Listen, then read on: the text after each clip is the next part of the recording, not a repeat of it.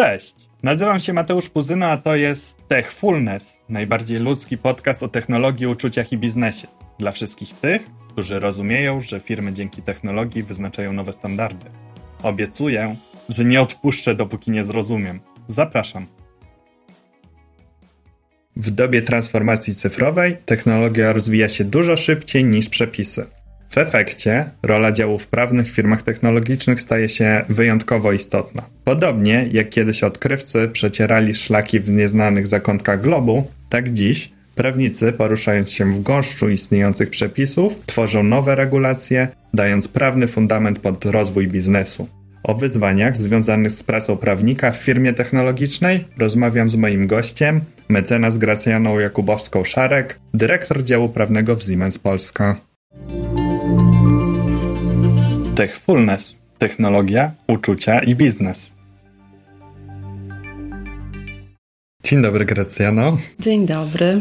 Ja się bardzo cieszę, że zgodziłaś się przyjść do naszego studia, ponieważ przed nami królowa nauk, zaraz po matematyce prawo. No i spotkaliśmy się, żeby porozmawiać o tym, jak ważne jest prawo w dzisiejszych czasach, jak się rozwija i jak to prawo oddziałuje na nas, na ludzi, na przeciętnego człowieka. A później porozmawiamy trochę o tym, jak prawo ma się do technologii i czy w ogóle się ma. E, dziękuję bardzo Mateusz za zaproszenie. Jest mi bardzo miło, że jestem tutaj dzisiaj z Tobą i że możemy porozmawiać. I od razu powiem, że bardzo się cieszę, że tak zaanonsowałeś naszą rozmowę i że prawo traktujesz jak królową nauk zaraz po matematyce.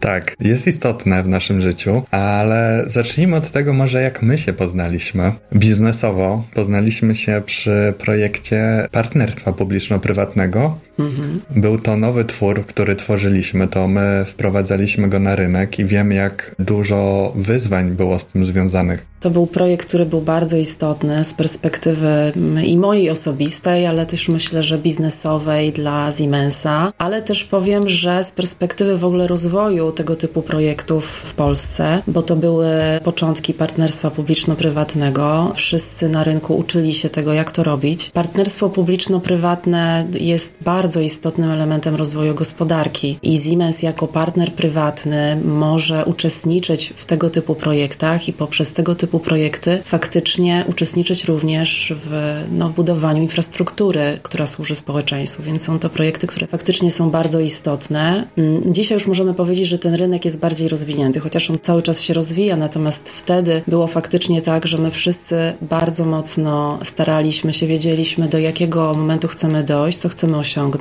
Mieliśmy wiedzę od strony, no właśnie tego sektora prywatnego i biznesu. Chcieliśmy pewne elementy przekazać też partnerowi publicznemu. Partner publiczny miał pewne wymagania, no i w którymś momencie trzeba się było spotkać, aby te cele wspólnie osiągnąć. Ja tylko nadmienię, że takim partnerem prywatnym jest na przykład firma działająca na rynku, jaką jest na przykład Siemens, a takim podmiotem publicznym jest zarządca szpitala albo dany wójt, prezydent w danej gminie. Ale jakie są wartości dodane? Partnerstwo publiczno-prywatne, czym to się różni od takiego zwykłego kontraktu?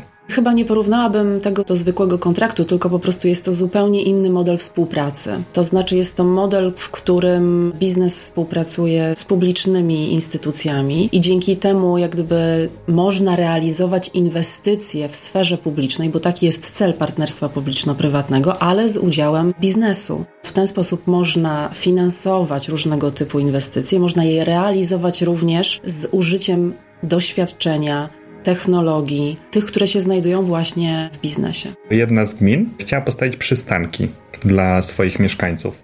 No okazało się, że budżet w tej gminie się nie dopinał i zastanawiali się, co zrobić. No i wymyślili, że dadzą firmie do postawienia te przystanki, ale w zamian za to, że ta firma sfinansuje te przystanki, to przez kolejne kilkadziesiąt, kilkanaście lat będzie miała na wyłączność powierzchnię reklamową. Jak ja o tym wtedy przeczytałem jako inżynier, to sobie pomyślałem, wow, super rozwiązanie z tego względu, że wszyscy są zadowoleni. Tak, oczywiście. To znaczy jest tak, że w partnerstwie gminy czy samorządy generalnie mogą realizować te inwestycje, jeśli nawet budżetowo nie są w stanie ich realizować, ale musimy też pamiętać o tym, że finansowanie nie jest jedynym celem takich przedsięwzięć. Najczęściej partner prywatny jest angażowany zarówno do tej części inwestycyjnej, ale też do tej części utrzymaniowej. Projekty PPP są projektami długoterminowymi. One trwają zazwyczaj kilkanaście, a nawet kilkadziesiąt lat. No i oczywiście musi być jakiś pozytywny wydźwięk dla sfery publicznej, a na koniec dla społeczeństwa, bo takie też jest założenie tego modelu. Takim efektem bocznym, ale pożądanym w naszych projektach jest redukcja śladu węglowego. Zgadza się. Podnosząc efektywność energetyczną budynków, zwracamy sobie inwestycje z oszczędności, które generujemy, ale tak naprawdę też działamy bardzo, bardzo korzystnie na środowisko. No i to jest, widzisz, właśnie ten cel, któremu służy projekt partnerstwa publiczno-prywatnego i to jest to właśnie, do czego partner prywatny razem z podmiotem publicznym dążą. Zapowiadając Cię, powiedziałem, że spotkaliśmy się pierwszy raz biznesowo na partnerstwie publiczno-prywatnym, ale tak naprawdę pierwszy raz się poznaliśmy, podczas gdy Ty przyszłaś do mnie na szkolenie. Mm-hmm. Prowadziłem wtedy szkolenie dla prawników z techniki. Tak jest. No i przygotowując się do tego spotkania, ja przeczytałem historię o tobie, że ty również wspierasz bardzo i na to stawiasz na edukację naszych pracowników z zakresu prawa. Dlaczego? Dwa elementy i dwie strony tego medalu są dla mnie istotne. Od czego zacząłeś, czyli żeby prawnicy wiedzieli, jaki biznes wspierają, bo tylko dzięki temu są w stanie wspierać go we właściwy sposób, czyli rozumiejąc ten biznes, rozumiejąc otoczenie, w którym funkcjonują, a z drugiej strony istotne też jest to, aby osoby, które które pracują w biznesie i nie są prawnikami, miały pewne podstawy i wiedziały, jak się w tym środowisku poruszać, z jakimi ryzykami spotykają się na co dzień i w jaki sposób nimi zarządzać tymi ryzykami. Bo oczywiście jest tak, że my jesteśmy jako prawnicy do dyspozycji, natomiast są sytuacje, gdzie osoby, które mają bezpośredni kontakt z klientami czy zawierają umowy, są w stanie absolutnie radzić sobie z pewnymi sytuacjami samodzielnie. Gracjana, ja chciałem Cię zapytać o ewolucję zawodu prawniczego Dzisiaj to już nie jest ten prawnik z teczką, do którego już kiedyś przywykliśmy. Dzisiaj prawnik ma taką rolę partnera w biznesie. Zgadza się, znaczy jest mi to niezwykle bliskie, to podejście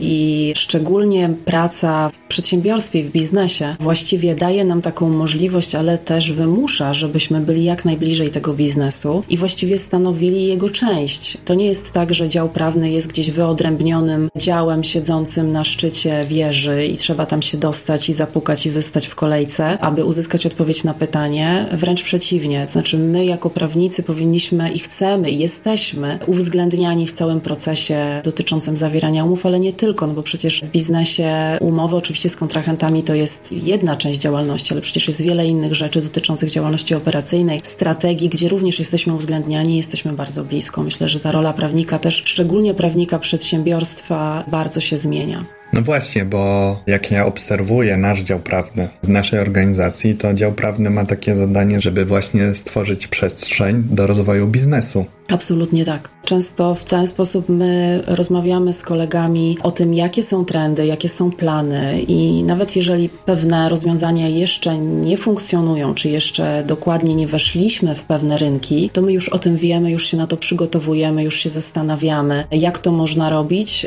w dobry sposób, we właściwy sposób, bo oczywiście prawo to są postanowienia umów, ale najpierw są pewne koncepcje i struktury i strategie. My niejednokrotnie jesteśmy pierwsi z jakimś produktem biznesowym. Mam tu na myśli partnerstwo publiczno-prywatne albo efektywność energetyczna jako usługa. My, zaczynając drogę ścieżką tego pioniera, doskonale wiemy, mamy kompas gdzie zmierzamy, ale nie mamy pojęcia, co nas spotka po drodze. Nikt wcześniej tej drogi nie przeszedł. Jak dział prawny odnajduje się w takiej sytuacji? Na pewno takie sytuacje są wyzwaniem, ale wyzwaniem w takim, wydaje mi się, z jednej strony bardzo pozytywnym tego słowa znaczeniu, dlatego że mamy wtedy szansę na to, żeby uczestniczyć w budowaniu rozwiązań od samego początku. Czyli nie jest to coś, co bierzemy z spółki i właściwie możemy sprzedać od razu, w takim sensie zarówno produktu biznesowego, ale też z tym rozwiązaniem prawnym, ale możemy uczestniczyć w kształtowaniu tego produktu od samego początku. I myślę, że dla prawników jest to rzecz bardzo interesująca i bardzo motywująca, jeśli mogą w tego typu rozwiązaniach uczestniczyć i je tworzyć. Ja doskonale rozumiem, bo jako inżynier najbardziej spełniam się w projektach, w których ja tworzę rozwiązania inżynieryjne, a później implementuję je w jakimś budynku czy w jakimś przedsiębiorstwie.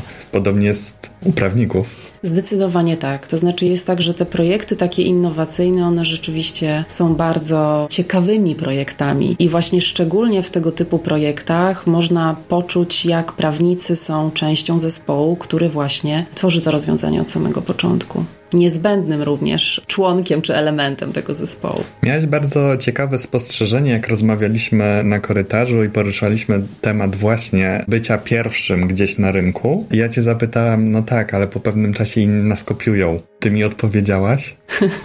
No, to jest też tak, że jest w tym pewna odpowiedzialność, na pewno, czyli chcemy, żeby to rozwiązanie było jak najlepsze. No jest to też niesamowicie takie motywujące i miłe, tak, że nasze rozwiązanie i to w jaki sposób wprowadziliśmy coś na rynek jest uważane za dobre i wykorzystywane przez innych. Jest to też sposób na to, żeby kształtować ten rynek, to znaczy w jaki sposób wpływać na to, jak pewne rozwiązania na rynku funkcjonują. No wiemy, że technologia dzisiaj rozwija się niesamowicie szybko. Mamy pełną świadomość tego, że prawo nie nadąża za technologią i spotkałem się z sformułowaniem, że to jest bardzo dobrze, gdy biznes kreuje rozwiązania prawne, a później ustawodawca je implementuje.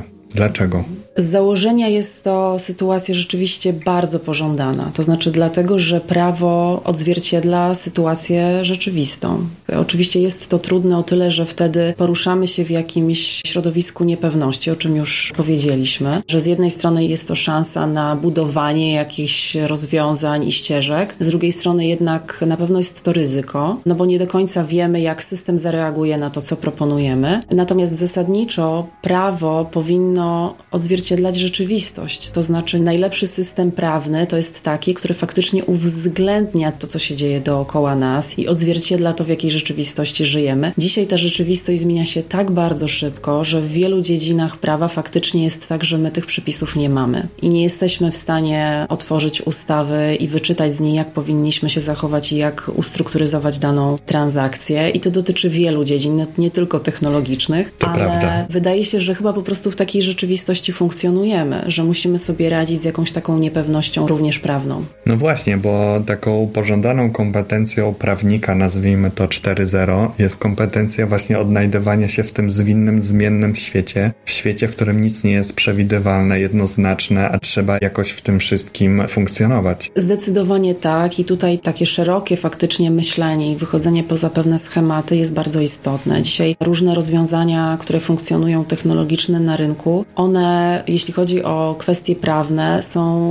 bardzo zdywersyfikowane i szukamy podstaw prawnych w bardzo wielu aktach prawnych, w bardzo wielu ustawach. One się często na siebie nakładają, nie są jednoznaczne, więc faktycznie jest to dosyć trudna praca, satysfakcjonująca oczywiście, bo dzięki jak gdyby tej pracy jesteśmy w stanie wypracowywać sami te rozwiązania, natomiast na pewno obarczona jakimś ryzykiem, bo potem każde rozwiązanie jest w jakiś sposób oceniane, albo wprowadzane są konkretne przepisy, które regulują te kwestie, kwestie, ale też oczywiście potem sprawdzane są te rozwiązania przed sądami. I to też jest taki papierek lakmusowy, czy te rozwiązania faktycznie działają, czy to jest dobry kierunek. No właśnie, bo ja pamiętam, że jako młody inżynier, jak my szliśmy tą ścieżką ramię w ramię i wieściliśmy partnerstwo publiczno-prywatne na rynku, to ja miałem dużo obaw, stresowałem się i pamiętam, że wtedy mój mentor powiedział mi: Mateusz, ale ty masz za sobą całą rzeszę najlepszych specjalistów w Polsce, którzy to w tych decyzjach ci pomogą, przemyślą, powiedzą, jak oni to widzą. My w wyniku tych rozmów, tej współpracy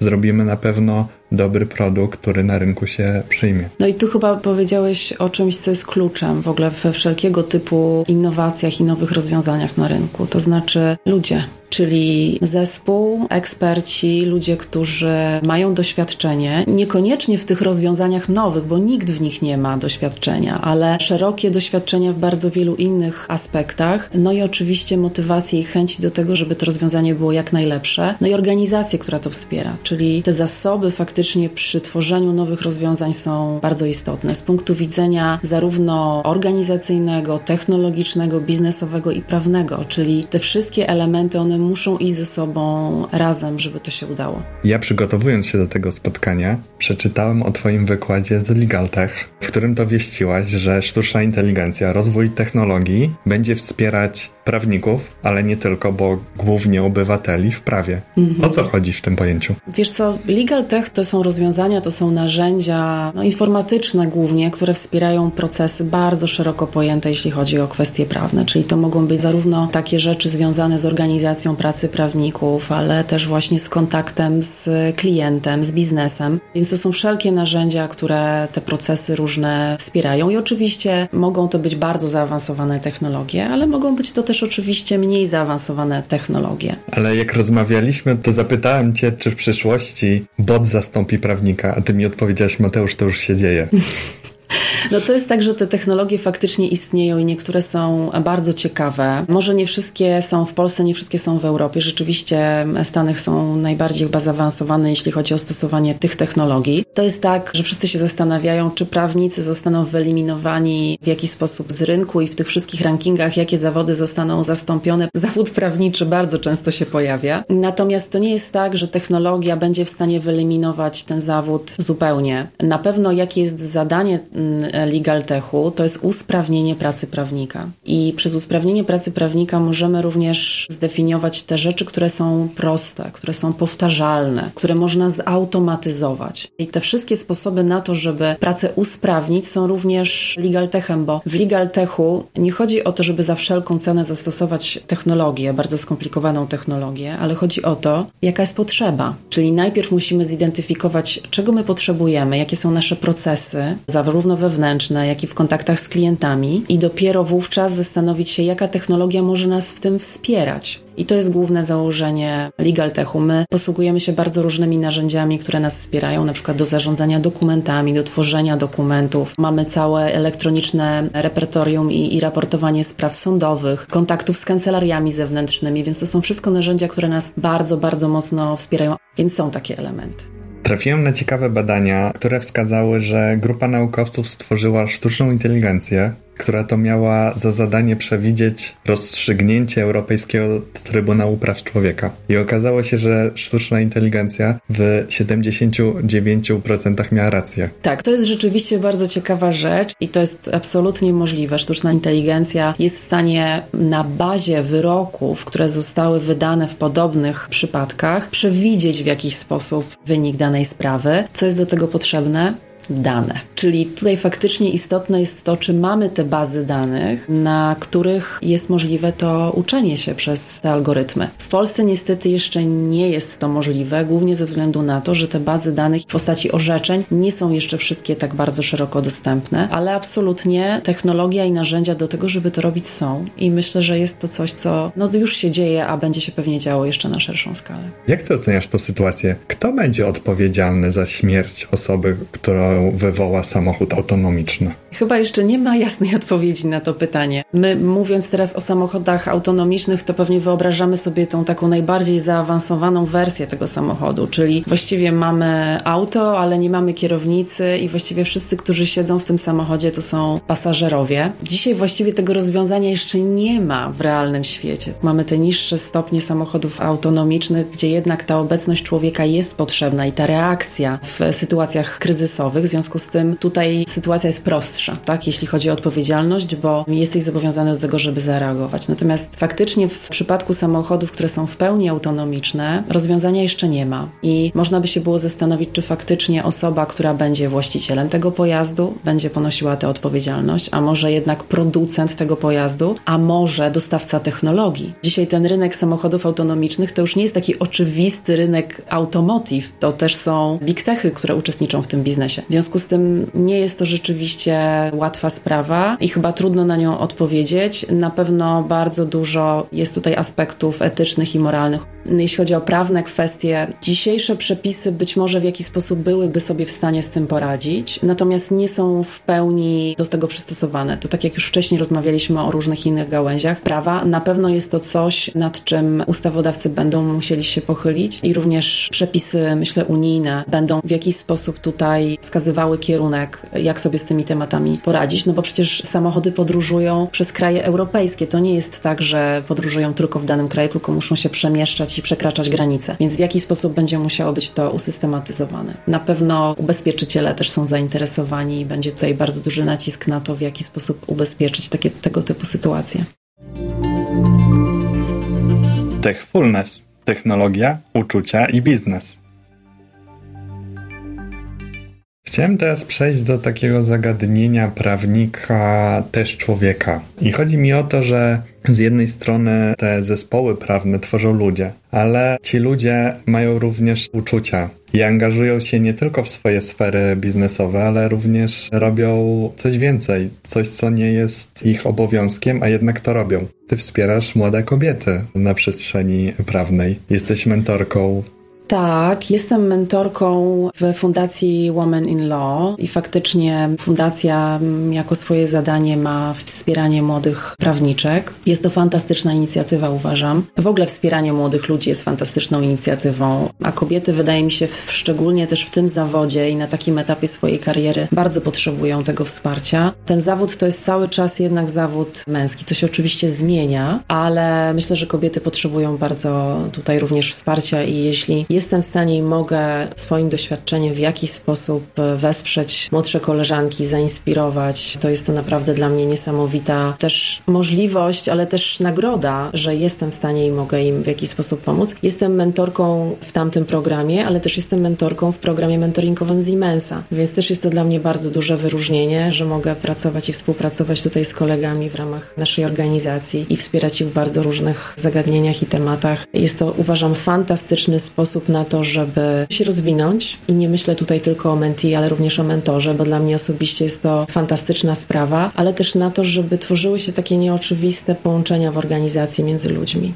Zrobiłaś kawał dobrej roboty w projekcie, który dla mnie osobiście jest ważny i który w momencie, gdy ta trudna sytuacja nastała za naszą granicą, rozpoczęła się wojna, nasz pracodawca bardzo szybko zareagował. Postanowił wykorzystać nasze no, nieużywane przestrzenie biurowe do tego, żeby przyjąć uchodźców. Idea była słuszna. Wszyscy wiedzieliśmy, zakasaliśmy rękawy i w ramię w ramię dostosowywaliśmy te przestrzenie, ale na koniec dnia trzeba było również to sformalizować prawnie i wiem, przekazano mi, że ty po nocach w swoim prywatnym czasie pracowałaś dzień w dzień nad tym, żeby właśnie dopiąć to prawnie. Dlaczego? Wiesz, no, odpowiedź jest taka dosyć, powiedziałabym, oczywista i prosta dla mnie. No, to, to, są tego typu rzeczy, które robi się z potrzeby serca i ta sytuacja myślę, że wiele osób poruszyła i mieliśmy taką potrzebę, ja również, żeby pomóc w jakiś sposób i pomagałam na różne sposoby, ale inicjatywa naszej organizacji tutaj w Polsce była naprawdę niesamowita i była bardzo wymierna. Jest to